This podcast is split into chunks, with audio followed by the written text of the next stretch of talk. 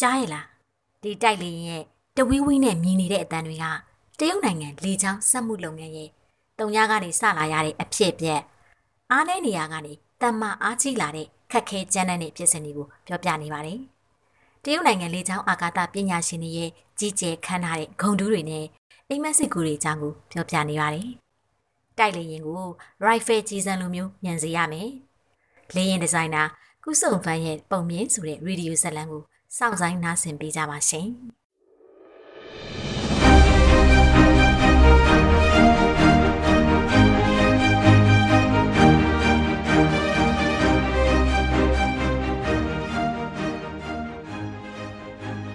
ပြီးခဲ့တဲ့ရာစုနှစ်1950ခုနှစ်အစောပိုင်းမှာဆိုဗီယက်ရုရှားကတရုတ်နိုင်ငံကိုလေယာဉ်ကုန်ချောပစ္စည်းနဲ့လေယာဉ်ထုတ်လုပ်ရေးလိုင်းအချို့ကိုကူညီထောက်ပံ့ခဲ့ပြီးတော့တရုတ်နိုင်ငံကို လေယာဉ်တိစောက်မှုနဲ့ပြုပြင်ထိန်းသိမ်းနိုင်စွမ်းအလင်းအမြန်ရရှိလာအောင်ကူညီပေးခဲ့ပါတယ်။ဒါပေမဲ့ဆိုဗီယက်ရုရှားကတရုတ်နိုင်ငံကိုလေယာဉ်မြန်ဒီဇိုင်းနဲ့ပတ်သက်တဲ့အသိပညာမူတူတာနဲ့အကြံပြုချက်တွေတခုမှမပေးခဲ့ပါဘူး။တကယ်လို့ဆိုဗီယက်ရုရှားနိုင်ငံကထောက်ပံ့ထားတဲ့အချက်လက်အတိုင်းလုပ်မယ်ဆိုရင်တရုတ်နိုင်ငံကဆိုဗီယက်ရုရှားတွေရဲ့လေယာဉ်မြန်ကိုပဲပုံတူထုတ်လုပ်နိုင်ပါလိမ့်မယ်။ကိုယ်တိုင်ကိုကြလေယာဉ်မြန်အစ်စ်ကိုစမ်းသပ်တီထွင်ပြီးထုတ်လုပ်နိုင်မှာမဟုတ်ပါဘူး။လေယာဉ်ဒီဇိုင်းဌာနရဲ့တာဝန်ဟာ တရုတ်လူမျိုးတွေရဲ့ကိုယ်ပိုင်လေယာဉ်မြန်ကိုတည်တံ့စမ်းသပ်ထုတ်လုပ်နိုင်မှုပဲဖြစ်ပါတယ်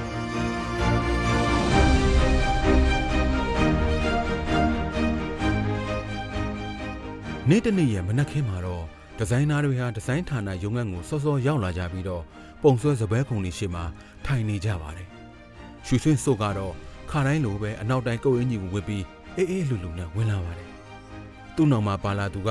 လက်ထောက်ဒီဇိုင်နာချုပ်ဟွန်ကျစ်ချမ်းပါ ရွှေစင့်စုဟာခေါင်းငုံရင်းနဲ့ပုံဆက်စပွဲခုံတွေအလဲကရှောက်လန်းကနေအခန်းအလဲတက်တက်ကိုဖြည်းဖြည်းချင်းရှောက်လာပါတယ်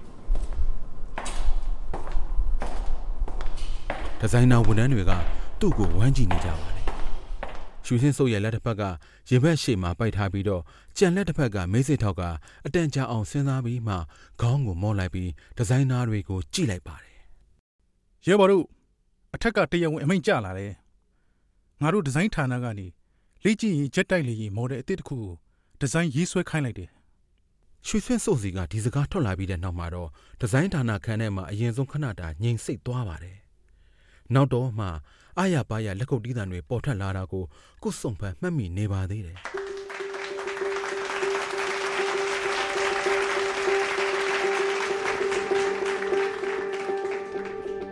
ပြင်းမြအသက်22နှစ်သာရှိသေးတဲ့ဒီလူငယ်အုပ်စုမှာအများစုကဘွဲရကားစားလေးတွေပဲရှိပါသေးတယ်။အမေရိကန်နိုင်ငံနဲ့အင်္ဂလန်နိုင်ငံကလေယာဉ်တိစောက်ရေးလုပ်ငန်းတွေမှာလေယာဉ်ဒီဇိုင်းနဲ့ပတ်သက်တဲ့အလုပ်လုပ်ကိုင်မှုတဲ့ရှူဆင့်ဆိုနဲ့ဟွန်ချစ်ချမ်းတို့ကလွှဲရင်တော့ကြံတဲ့သူတွေဟာလေယာဉ်ဒီဇိုင်းရေးဆွဲမှုအပိုင်းမှာလက်သစ်တွေကြီးပါပဲ။နိုင်ငံတော်အစိုးရကစလာတဲ့ကသူတို့ကိုဂျက်လေယာဉ်မော်ဒယ်အသစ်ကိုဒီဇိုင်းဆွဲခိုင်းတာဟာသူတို့အပေါ်မှာယုံကြည်မှုရှိလို့ပါပဲ။ အဲဒါကြောင့်လဲဒီဇိုင်နာတွေကအရင်စိတ်လှုပ်ရှားနေကြပါတယ်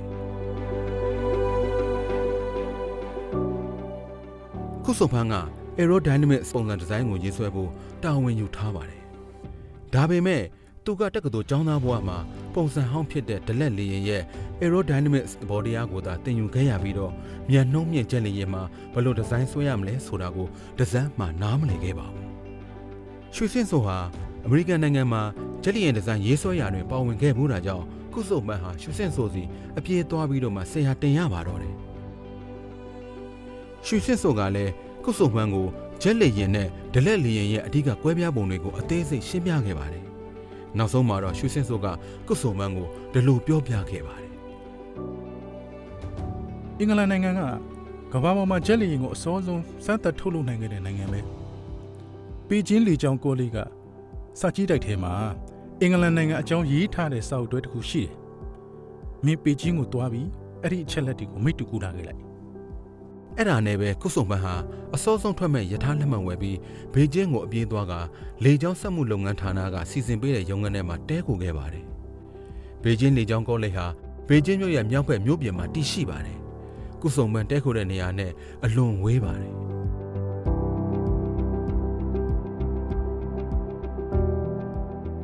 ခုစုံဘက်ဟာနောက်တနေ့မိုးလင်းခါစားမှာပဲစပိန်နင်းပြီးတော့မှဘေကျင်းလေကြောင်းကောလိပ်မှာအချက်လက်တွေတွားရှာပါတော့တယ်။ကုစုံပန်းကရွှေစင့်စို့ညွှန်ကြားထားတဲ့အတိုင်းများပြားလာတဲ့အချက်လက်မှတ်တမ်းကိုတော်ထဲမှာလိုက်ရှာရင်းနဲ့ဒီမှတ်တမ်းစာအုပ်တွေကိုရှာတွေ့သွားခဲ့တာကြောင့်ဒီဇိုင်နာချုပ်ဖြစ်တဲ့ရွှေစင့်စို့ကိုစိတ်ထဲမှာအလွန်လေးစားမိသွားပါတော့တယ်။ကုစုံပန်းဟာကြိုတင်ပြင်ဆင်ထားတဲ့ပုံဆွဲကိရိယာတွေကိုထုတ်ပြီးစာကြည့်တဲ့ရဲ့စပွဲကြီးပေါ်မှာမှတ်တမ်းအချက်လက်တွေကိုတစ်ခုချင်းစီပုံတူကူးနေပါတယ်။ အချိန်တွေဟာမတိမတာနဲ့ကုံလွန်သွားခဲ့ပုံကတော့မှန်ပရင်းပေါက်ကနေဝင်လာတဲ့နေရောင်အရိပ်ဟာတဖြည်းဖြည်းရွေ့ရှားပြီးတော့တဖြည်းဖြည်းရှည်လျားလာပါတယ်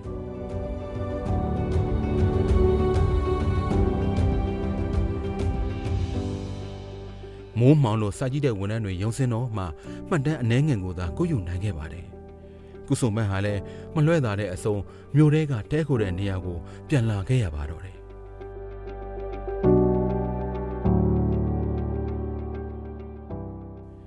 အဲ့ဒီနောက်ပိုင်းတလလုံးလုံးကုစုံမန်းဟာဘေကျင်းမြို့ပြင်ကမြင်းနီလန်းကိုနေတိုင်းလိုလိုဖျက်ဆီးနေရပါတယ်မှတ်တမ်းအချက်လက်အားလုံးကိုယူပြီးသွားတဲ့အချိန်မှာကုစုမန်ငှားစီးလာတဲ့ဆက်ဘင်းရဲ့ရှေ့ကွာဟာကွဲအပ်နေပါပြီ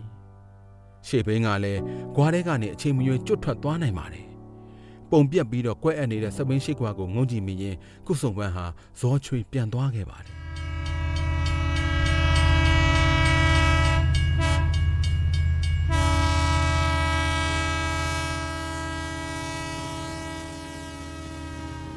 ရှမ်းရံကိုပြန်တဲ့ယထာပေါ်မှာကုစုံဘက်ဟာမှတ်တမ်းမှတ်ရအပြည့်ထည့်ထားတဲ့လက်စွဲအိတ်ကိုလက်နှစ်ဖက်နဲ့တေချာပိုက်ထားပြီးတော့အုံနောက်ထဲမှာတော့ဒီတလအတွင်ပုံတူပြန်ကူးခဲ့ရတဲ့အလုပ်တွေကိုပြန်တွေးနေမိပါတော့တယ်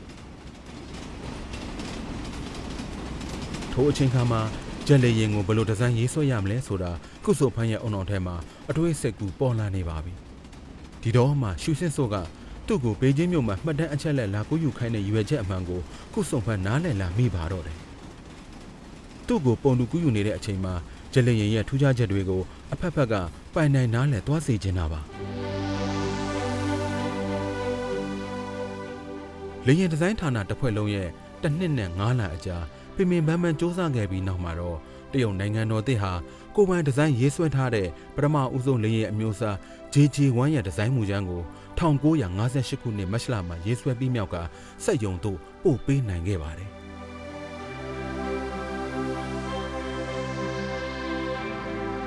ရှန်ရန်လျင်တိဆောက်ရေးစက်ရုံဟာ1958ခုနှစ်ဧပြီလမှာစပြီး JJ1 လျင်ကိုစတင်ထုတ်လုပ်လာခဲ့ပါတယ်1958ခုနှစ်ဇွန်လလ24ရက်နေ့မှာ JJ1 ရဲ့ပထမဦးဆုံးနမူနာလျင်တိဆောက်ပြီးစီးခဲ့ပါတယ်ဒီဇိုင်းရေးဆွဲမှုပို့ပေးပြီးတဲ့နောက်ပထမဆုံးလေရင်တိဆောက်ပြီးစီးတဲ့အထိရှန်ရန်လေရင်တိဆောက်ရေးစက်ရုံဆောင်ရွက်မှုဟာရက်တရာတော့မပြည့်ခဲ့ပါဘူး1958ခုနှစ်ဇွန်လ26ရက်နေ့မှာ JJ1 စမ်းသပ်ပြန်တမ်းမှုအောင်မြင်ခဲ့ပါတယ် JJ1 ဟာတရုတ်နိုင်ငံကစမ်းသပ်ထုတ်လုပ်တဲ့ပထမဆုံးလေယာဉ်အမျိုးအစားဖြစ်တယ်လို့တရုတ်လူမျိုးကိုယ်တိုင်စမ်းသပ်ထုတ်လုပ်ခဲ့တဲ့ပထမဆုံးဂျက်လေယာဉ်လည်းဖြစ်ပါတယ်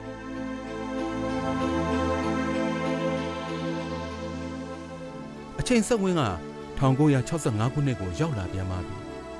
တရုတ်နိုင်ငံကပြန်တမ်းမှုအမြန်နှုန်းကိုအတန်ရဲ့အမြန်နှုန်း1.2ဆအထိရှိပြီးပြန်တမ်းနိုင်သောအမြင့်ကိုမီတာ2000နဲ့အထက်ပြန်တမ်းနိုင်သောတိုက်လေယာဉ်တစ်မျိုးကိုစမ်းသပ်တည်တွင်မှုဆုံးဖြတ်ခဲ့ကြပါတယ်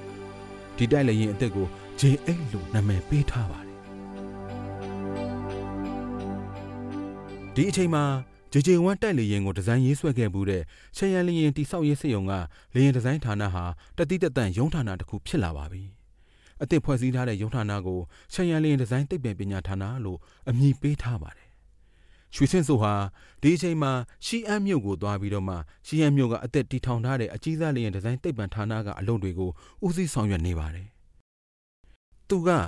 နောက်ပိုင်းမှာတရုတ်နိုင်ငံတော်တဲ့အတွက်အရေးပါသောလေယာဉ်မော်ဒယ်ဒီဇိုင်းရေးဆွဲမှုတွေမှာဦးစီးဦးရွက်လုပ်ခဲ့ပြီးတော့တရုတ်နိုင်ငံရဲ့လေကြောင်းလုပ်ငန်းအတွက်အကောင်းဆုံးပေးဆက်ခဲ့ပါတယ်။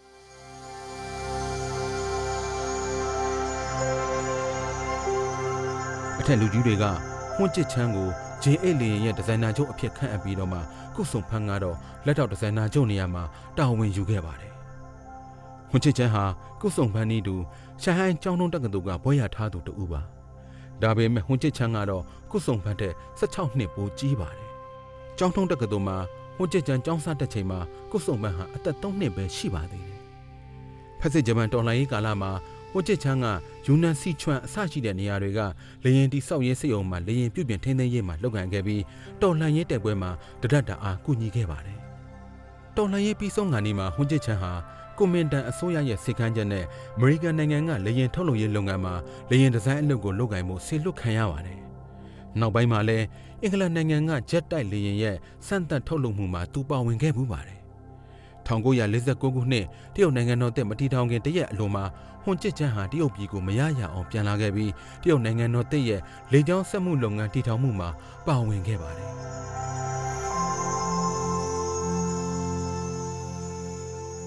ကုစုဖန်းကလေယာဉ်မော်ဒယ်အသစ်ရဲ့ aerodynamics ပုံစံဒီဇိုင်းရေးဆွဲမှုကိုပဲအဓိကဆောင်ရွက်နေပါတယ်။ J8 လေယာဉ်မစမ်းသပ်ခင်အထိတရုတ်လူမျိုးတွေဟာအတန်တက်မြန်သောလေယာဉ်ကိုကိုယ်တိုင်ကိုယ်ကျစမ်းသပ်ထုတ်လုပ်ခဲ့ခြင်းမရှိသေးပါဘူး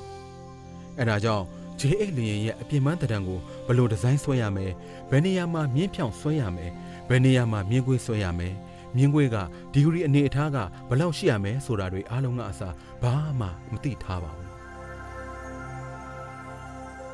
အဲ့ဒါနဲ့ခုစုံဖန်းဟာဒီဇိုင်နာဝန်ထမ်းတွေနဲ့အတူဘယ်အထိအဖြေရှာသလိုမျိုးဒီဇိုင်းရေးဆွဲမှုကိုစန်တဝါဝါနဲ့လုပ်ခဲ့ရပါတယ် အစီအစဉ်တစ်ခုရေးဆွဲနိုင်ပြီဆိုတာနဲ့နမူနာပုံစံလုပ်ပြီးလေစီချောင်းဆန်ဥမင်လှိုင်ကောင်းထဲမှာစမ်းသပ်ရပါတယ်အစင်မပြေတာတွေ့ရင်ချက်ချင်းပြုပြင်ပြီးအစ်စ်ပြန်လို့ပြန်ဆန်းတက်ရတာကြောင့်အမားတွေကိုအစမပြတ်ဆန်းတက်ရတဲ့ဖြစ်စဉ်တစ်ခုလို့ပဲပြောရပါတော့မယ်လေစီချောင်းဆန်းဥမင်လှိုင်ကောင်းစမ်းသပ်မှုအောင်မြင်သွားတဲ့အခါ aerodynamics ဖွဲ့ပုံတင်သတ်မှတ်ထားနိုင်တဲ့ပုံစံအချက်လက်တွေကို structure အဖွဲ့စီကိုပို့ပေးရပါတယ်။ သူတို့လည်းဒီအချက်လက်ပေါ်မူတည်ပြီးတော့မှ structure အဖွဲ့ကဖွဲ့စည်းတည်ဆောက်ပုံကိုဒီဇိုင်းရေးဆွဲရပါတယ်။ဒါပေမဲ့အတွေ့အကြုံမလုံလောက်တဲ့အတွက် structure အဖွဲ့ကနောက်တစ်ဆင့်ဒီဇိုင်းရေးဆွဲမှုစတင်ချိန်မှာပဲ aerodynamics ဖွဲ့ကသူတို့ပေးလိုက်တဲ့အချက်လက်မှာအမှားအယွင်းရှိနေတာကိုရှာတွေ့မိလို့ဖွဲ့စည်းမှုပုံစံအချက်လက်ကိုပြန်ပြင်ရန်ပြောလာမှုတွေခဏခဏရှိခဲ့ပါတယ်အကျဉ်းကြီးများလာတော့ဆွတ်ချအဖွဲ့ကရဲဘော်တွေလည်းဒေါသပုံထလာပါတော့တယ်။တနေ့မှာတော့ ဒီဇိုင်းဌာနရဲ့ပုံမှန်အစည်းအဝေးမှာ structure အဖွဲ့ရဲ့တာဝန်ခံဟာဒီဇိုင်နာချုပ်ဟွန်းချစ်ချန်းကိုလက်ထောင်ပြပြီးတော့မှစကားပြောခွင့်တောင်းဆိုလိုက်ပါတယ်ကျွန်တော်ရဲဘော်ကုစုံဖန်းကိုပြောတရားရှိပါတယ်။ structure အဖွဲ့တာဝန်ခံရဲ့စကားစိုးရုံပဲရှိပါသေးတယ်။ intensity အဖွဲ့တာဝန်ခံကလည်းပြောလာပါတယ်ကျွန်တော်တို့လည်းပြောစရာရှိပါတယ်။ဟွန်းချစ်ချန်းကတော့အေးအေးဆေးဆေးနဲ့ပြန်ပြောပါတယ်မှန်တဲ့ဘက်ကအတန်ကြေကြေပြောစရာမလိုပါဘူးအားလုံးစိတ်မလို့ကြပါနဲ့တယောက်ချင်းစီပြောကြပါဦးအေရိုတိုင်းနဲ့အဖွဲ့ကခဏခဏပြန်ပြင်နေတော့ ကျွန်တော်တို့ဘက်ကအလုပ်တွေကတစ်ခုမှရှေ့ဆက်လို့မရတော့ဘူးဟုတ်တယ်ရှစ်တရက်ကဖွဲ့စည်းမှုပုံစံအချက်လက်တွေကျွန်တော်တို့ကိုပေးတယ်ကျွန်တော်တို့ကလည်းသူတို့ပေးတဲ့အချက်လက်တိုင်းဖွဲ့စည်းမှုဒီဇိုင်းကိုစဆွဲနေပြီနောက်နေ့ကျတော့ပြန်ပြင်ရအောင်မယ်ဆိုပြီးလာပြန်ပြောတော့ကျွန်တော်တို့လှုပ်ထားသမျှတွေကအလကားဖြစ်မသွားဘူးလားအေရိုတိုင်းနဲ့အဖွဲ့ကပုံကြီးချဲ့နေတာလို့ပဲကျွန်တော်မြင်တယ်တခါတလေဆိုရင်ဘာမှမဟုတ်တဲ့ကိန်းကနန်းအသေးလေးကိုပဲပြင်ရတာဗျာအဲ့ဒါလောက်ထိအတိအကျလုပ်ဖို့လိုလို့လားအရင်ဆုံးလေရင်ဖြစ်လာအောင်စောက်ပြီးတော့အစမ်းပြန်ကြည့်လို့ရတာပဲ ဟုတ်တယ်ဟုတ်တယ်လေယာဉ်ဒီဇိုင်းဆိုတာတနေရာပြင်လိုက်တာနဲ့အကုန်လုံးလိုက်ပြန်ပြင်ရတာသူတို့ဘက်ကတေးသေးလေးပြန်ပြင်လို့ရပြီမဲ့ကျွန်တော်တို့ဘက်ကဒီဇိုင်းကိုအစအဆုံးပြန်ဆွဲရတာဗျဒီလိုခဏခဏပြင်နေမယ်ဆိုရင်ဘယ်အချိန်မှလေယာဉ်ဒီဇိုင်းထွက်လာနိုင်မှာလဲအေရိုဒိုင်နမစ်အဖွဲ့ကအကုန်လုံးကိုအလုတ်ပြတ်အောင်လုပ်နေကြတာ။တခဏအတွင်းမှာပဲဒီဇိုင်းဌာနထဲမှာအပြစ်တင်တန်တွေပွက်လုံးညံသွားပြီးတော့မှခုစုံမန်းဟာလက်ညှိုးဝိုင်းထိုးခံလာရပါတယ်။ လုတ်ပေါ်ကင်ဘက်တွေရဲ့အပြစ်တင်တန်ကိုကြားရတော့ခုစုံမန်းမှာလည်းဇောချွေးတွေပြန်လာပါတော့တယ်။ဟွန်ချစ်ချန်းကလုတ်ပေါ်ကင်ဘက်တွေရဲ့အမြင်ထုတ်ဖော်မှုကိုပြီးတဲ့လောက်ရှိပြီဆိုတာမြင်ရတော့ခုစုံမန်းဘက်ကိုလှည့်ပြီးတော့မှအခုလိုပြောပါတယ်ရဲဘော်ကုစုပ်ဖန်းလဲကိုယ့်ထင်မြင်ချက်လေးထုတ်ဖို့ပြောပြပါဦး။ခုစုံမန်းဟာဟွန်ချစ်ချန်းကိုတစ်ချက်ကြည့်ပြီးတာတံမော်ကျနေတဲ့မျက်မှန်ကိုပြန်တက်မှတ်လိုက်ပါတယ်ရဲဘော်တို့ရဲ့အမြင်ယူဆချက်ကမှန်ပါတယ်ကျွန်တော်လည်းလက်ခံပါတယ်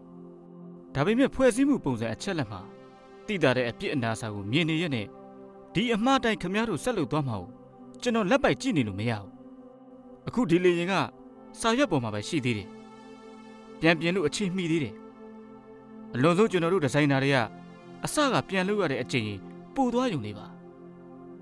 ဒါပေမဲ့လေရင်ကိုအပြစ်နာစာရှိနေရတဲ့ထုတ်လုပ်လိုက်မယ်ဆိုရင်တော့ပြန်ပြင်ဖို့ခတ်သွားလိမ့်မယ်။နိုင်ငံတော်အတွက်လည်းအရင်းမြစ်အလဟတ်သက်ဖြစ်စေလိမ့်မယ်။ ကုစုံမန်းရဲ့စကားဟာကျန်တဲ့ဒီဇိုင်းအဖွဲ့တာဝန်ခံတွေကိုပြောစရာစကားလုံးပျောက်သွားစေခဲ့ပါတယ်အဲ့ဒါဆိုလဲလောင်ကိုရခမရတို့အေရိုဒိုင်နမစ်ဘက်ကအစတည်းကတေးသေးချာချာလှုပ်ပေါ်ဗျအစီအစဉ်တေးကြပြီဆိုတော့မှနောက်တစ်ဆင့်ကိုလွှဲပေးလို့မရဘူးလား။အအခြေအနေကြည့်ပြီးတော့ဟွန်ချစ်ချန်ဟာအတန်တိတ်ဖို့လက်ပြလိုက်ပါတယ်ရဲဘော်တို့ရှေ့ပိုင်းကဒီဇိုင်းလုပ်ငန်းတွေမှာအစကပြန်လုပ်ရတာမျိုးဖြစ်လာတဲ့အပေါ်မှာဒီဇိုင်နာချုပ်ဖြစ်တဲ့ငါမှလည်းတာဝန်ရှိတယ်ရဲဘော်ကုစုဖန်းရဲ့အမည်ကိုငါသဘောတူလက်ခံတယ်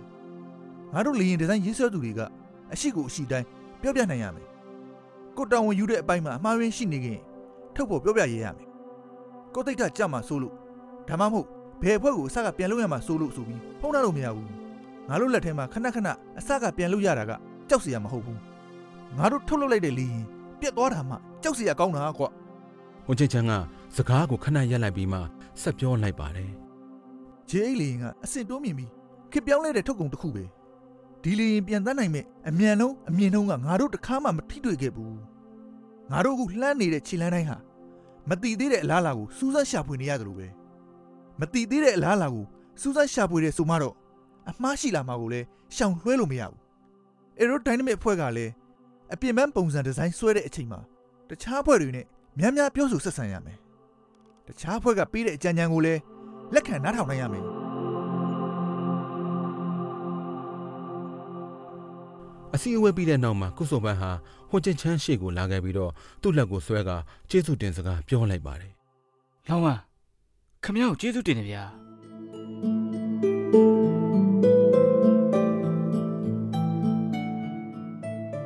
တနေ့မှာတော့ကုစုံပန်းပုံဆွဲစပွဲကုံရှင်မှာအာယုံစွတ်စွတ်ဆိုက်ဆိုက်နဲ့အလုပ်လုပ်နေချိန်ဒီဇိုင်နာတူအခန်းပြင်ကနေပြပြတလဲလဲဝင်လာပါတယ်လောင်ကုခမ ्या ကိုဌာနမှုကအစည်းအဝေးခမ်းမကိုအမြန်လာခဲ့ပါတယ် ဒီဇိုင်နာဝန်ထမ်းရဲ့အမူအရာကိုကြည့်လိုက်တာနဲ့အရေးကြီးကိစ္စတစ်ခုခုဖြစ်နေပြီဆိုတာကုစုံပန်းသိလိုက်တာကြောင့်လက်ထဲကခဲတံကိုလွှတ်ချလိုက်ပြီးအစည်းအဝေးခန်းမကိုအပြေးလွှာသွားခဲ့ပါတယ်အစည်းအဝေးခန်းမနဲ့ကိုသူရောက်သွားချိန်မှာအခြေအနေကမွန်းကျက်စရာကောင်းနေမှခံစားမိလိုက်ပါတယ်ဌာနတွင်းကောင်းဆောင်နဲ့တခြားဝါရင်ဒီဇိုင်းပညာရှင်တွေဟာအစည်းအဝေးဇပွဲဝရှိမှထိုင်ပြီးခေါင်းငိုက်ဆိုင်နေကြပါတယ်တရားမှအတံမထွက်နိုင်ကြပါဘူး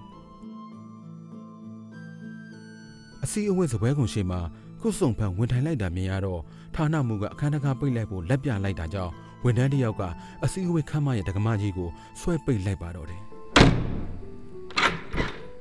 ဌာနမှုကဒီဇိုင်နာတွေကိုတယောက်ချင်းစင်ကြည့်ပြီးအခုလိုပဲပြောလိုက်ပါတယ်ရဲဘော်တို့ဒီနေရာမှာငါအနေနဲ့မင်းတို့ကိုဝမ်းနည်းစရာသတင်းတစ်ခုပြောပြရမယ်ငါတို့ရဲ့ရဲဘော်ကြီးဟွမ်ချစ်ချန်ကနိုင်ငံခြားမှာတာဝန်ထမ်းဆောင်ရင်းလေရင်ပြက်ကြမှုကြောင့်တည်ဆုံးသွားတယ် ရဲဘော်ဟွမ်ချစ်ချန်ရဲ့ဆန္ဒကိုစက္ခံပြီးသူမပြီးဆုံးခဲ့တဲ့တာဝန်ကိုငါတို့ပြီးဆုံးအောင်လုပ်သွားရမယ်အဲဒါကြောင့်ပါတီကော်မတီရဲ့ဆုံးဖြတ်ချက်အရရဲဘော်ကုစုံဖန်းကလက်ထောက်ဒီဇိုင်နာချုပ်ရာထူးနဲ့ရဲဘော်ဟွမ်ချစ်ချန်ရဲ့အလုပ်တွေကိုလက်လွဲတာဝန်ယူရမယ်ဒီစကားကိုကြားလိုက်ရတော့ကုစုံပန်းဟာနှွေးခေါင်ခေါင်မိုးချိုးပြစ်ခံလိုက်ရတယ်လို့ပါပဲသူ့နားနဲ့ပဲမယုံနိုင်အောင်ဖြစ်သွားပါတော့တယ် အဲ့ဒီနေ့ညရုံးစင်းတဲ့အချိန်ကုစုံပန်းဟာစပင်းနေပြီးတော့မှအိမ်ကိုငူငူငန်ငန်နဲ့ပြန်ရောက်လာပါတယ်ဇနီးတဲ့ကြမ်းကြက်ဖေးကမိဖို့ကြောင့်ထဲမှာဟင်းချက်နေရင်နဲ့ကုစုံပန်းကခါတိုင်းလိုမဟုတ်ပဲနဲ့အရက်ပြူဒပလင်းတဲပြီးပြန်လာတာကိုမြင်လိုက်ရတော့အခုလိုပြောလိုက်ပါတယ်အမေကြားသားနဲ့မိုးကျူအရက်ကိုတစ်စက်တောင်မထိတယ်လို့ဘာစိတ်ကူးပေါက်ပြီးရက်တောက်ဖို့ဝဲလာတာလဲကုစုံပန်းတပြင်းရှင်ကြီးတစ်ချက်ချလိုက်ပါတယ်လောင်းဝမ်းနိုင်ငံခြားမှာတောင်းဝန်ထမ်းဆောင်ရင်းနဲ့ အသက်ပေးလိုက်ရပြီဘာအဲ့ဒီနေ့ညမှာကုစုံပန်းဟာဇနီးတဲ့ကိုဟွန်ချင့်ချန်အသက်ပေးလိုက်ရတဲ့အကြောင်းရင်းကိုပြောပြခဲ့ပါတယ်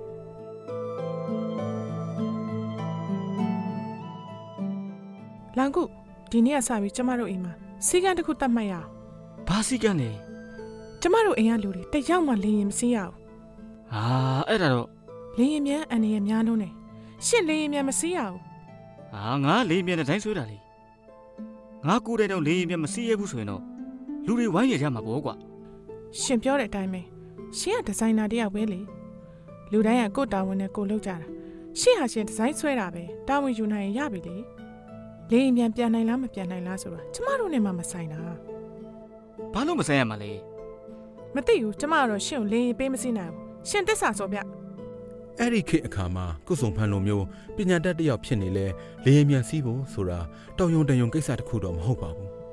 အဲ့ဒါကြောင့်ကုစုံဖန်ဟာစိတ်ထဲမှာတွေးမိလိုက်ပါတယ်ငါလည်းတခါမှလေးမစီးဘူးဘာပဲဖြစ်ဖြစ်ငါတည်တဲ့အထိလည်းလေးစီးရဖို့အခွင့်အရေးရှိမှာမဟုတ်တော့ဘူးလေးမစီးရလဲယထာစီးလို့ရတာပဲလေဒဒါကိုတွေးမိလိုက်တဲ့ခုစုံမန်းဟာအလေးအနက်ခေါင်းငိမ့်လိုက်ပါတယ်ဂတိပေးတယ်လေမြင်မစည်းဘူးကွာ မတင်မှတ်စရာကတော့တိတ်မကြခင်နောက်ပိုင်းမှာခုစုံမန်းဟာဇနီးတဲ့ရှေ့မှာတစ္ဆာဆိုခဲ့တဲ့ဒီဂရီကိုမကြခင်မှာပဲပြန်ဖြတ်ရပါတော့မယ်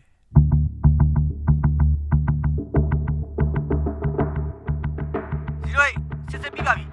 ပြန်တန်းရခွတ်တော့ပါပြန်တန်းလို့ရပါပြီရေပြင်းလေးတိုက်ခတ်တော့330တစ်စက္ကန့်ကို3မီတာခုစုံမန်းဟာလင်းရဲ့လီဘာမောင်းနှံကိုအဆုံးထိညင်ညင်သာသာတွန်းတင်လိုက်ပါတယ်လင်းရဲ့အမိကချက်အင်ဂျင်နှလုံးဟာ အပြင်းဆုံးတွန်းအားထွက်လာပါတယ်ပြင်းထန်ပြီးမရမနာတွန်းလာတဲ့တွန်းကန်အားဟာနောက်ကျောကနေပေါ်လာပါတယ် J8 လင်းရင်ဟာပြင်းလန်းကြောင်းတစ်လျှောက်အရှိန်မြင့်တက်လာပါတယ်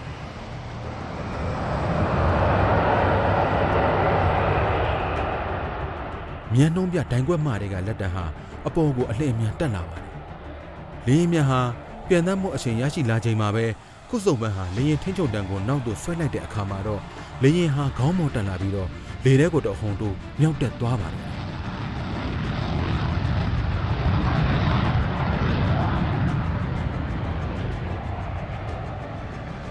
J8 လေရင်ဟာကုစုံမိုင်းရဲ့ထိန်းချုပ်မှုအောက်မှာအံ့ဩစရာကောင်းတော့တဲ့တောင်းွက်ကနေအပြာရောင်မိုးကောင်းကင်တွေကိုဖို့ထွက်သွားပါတယ်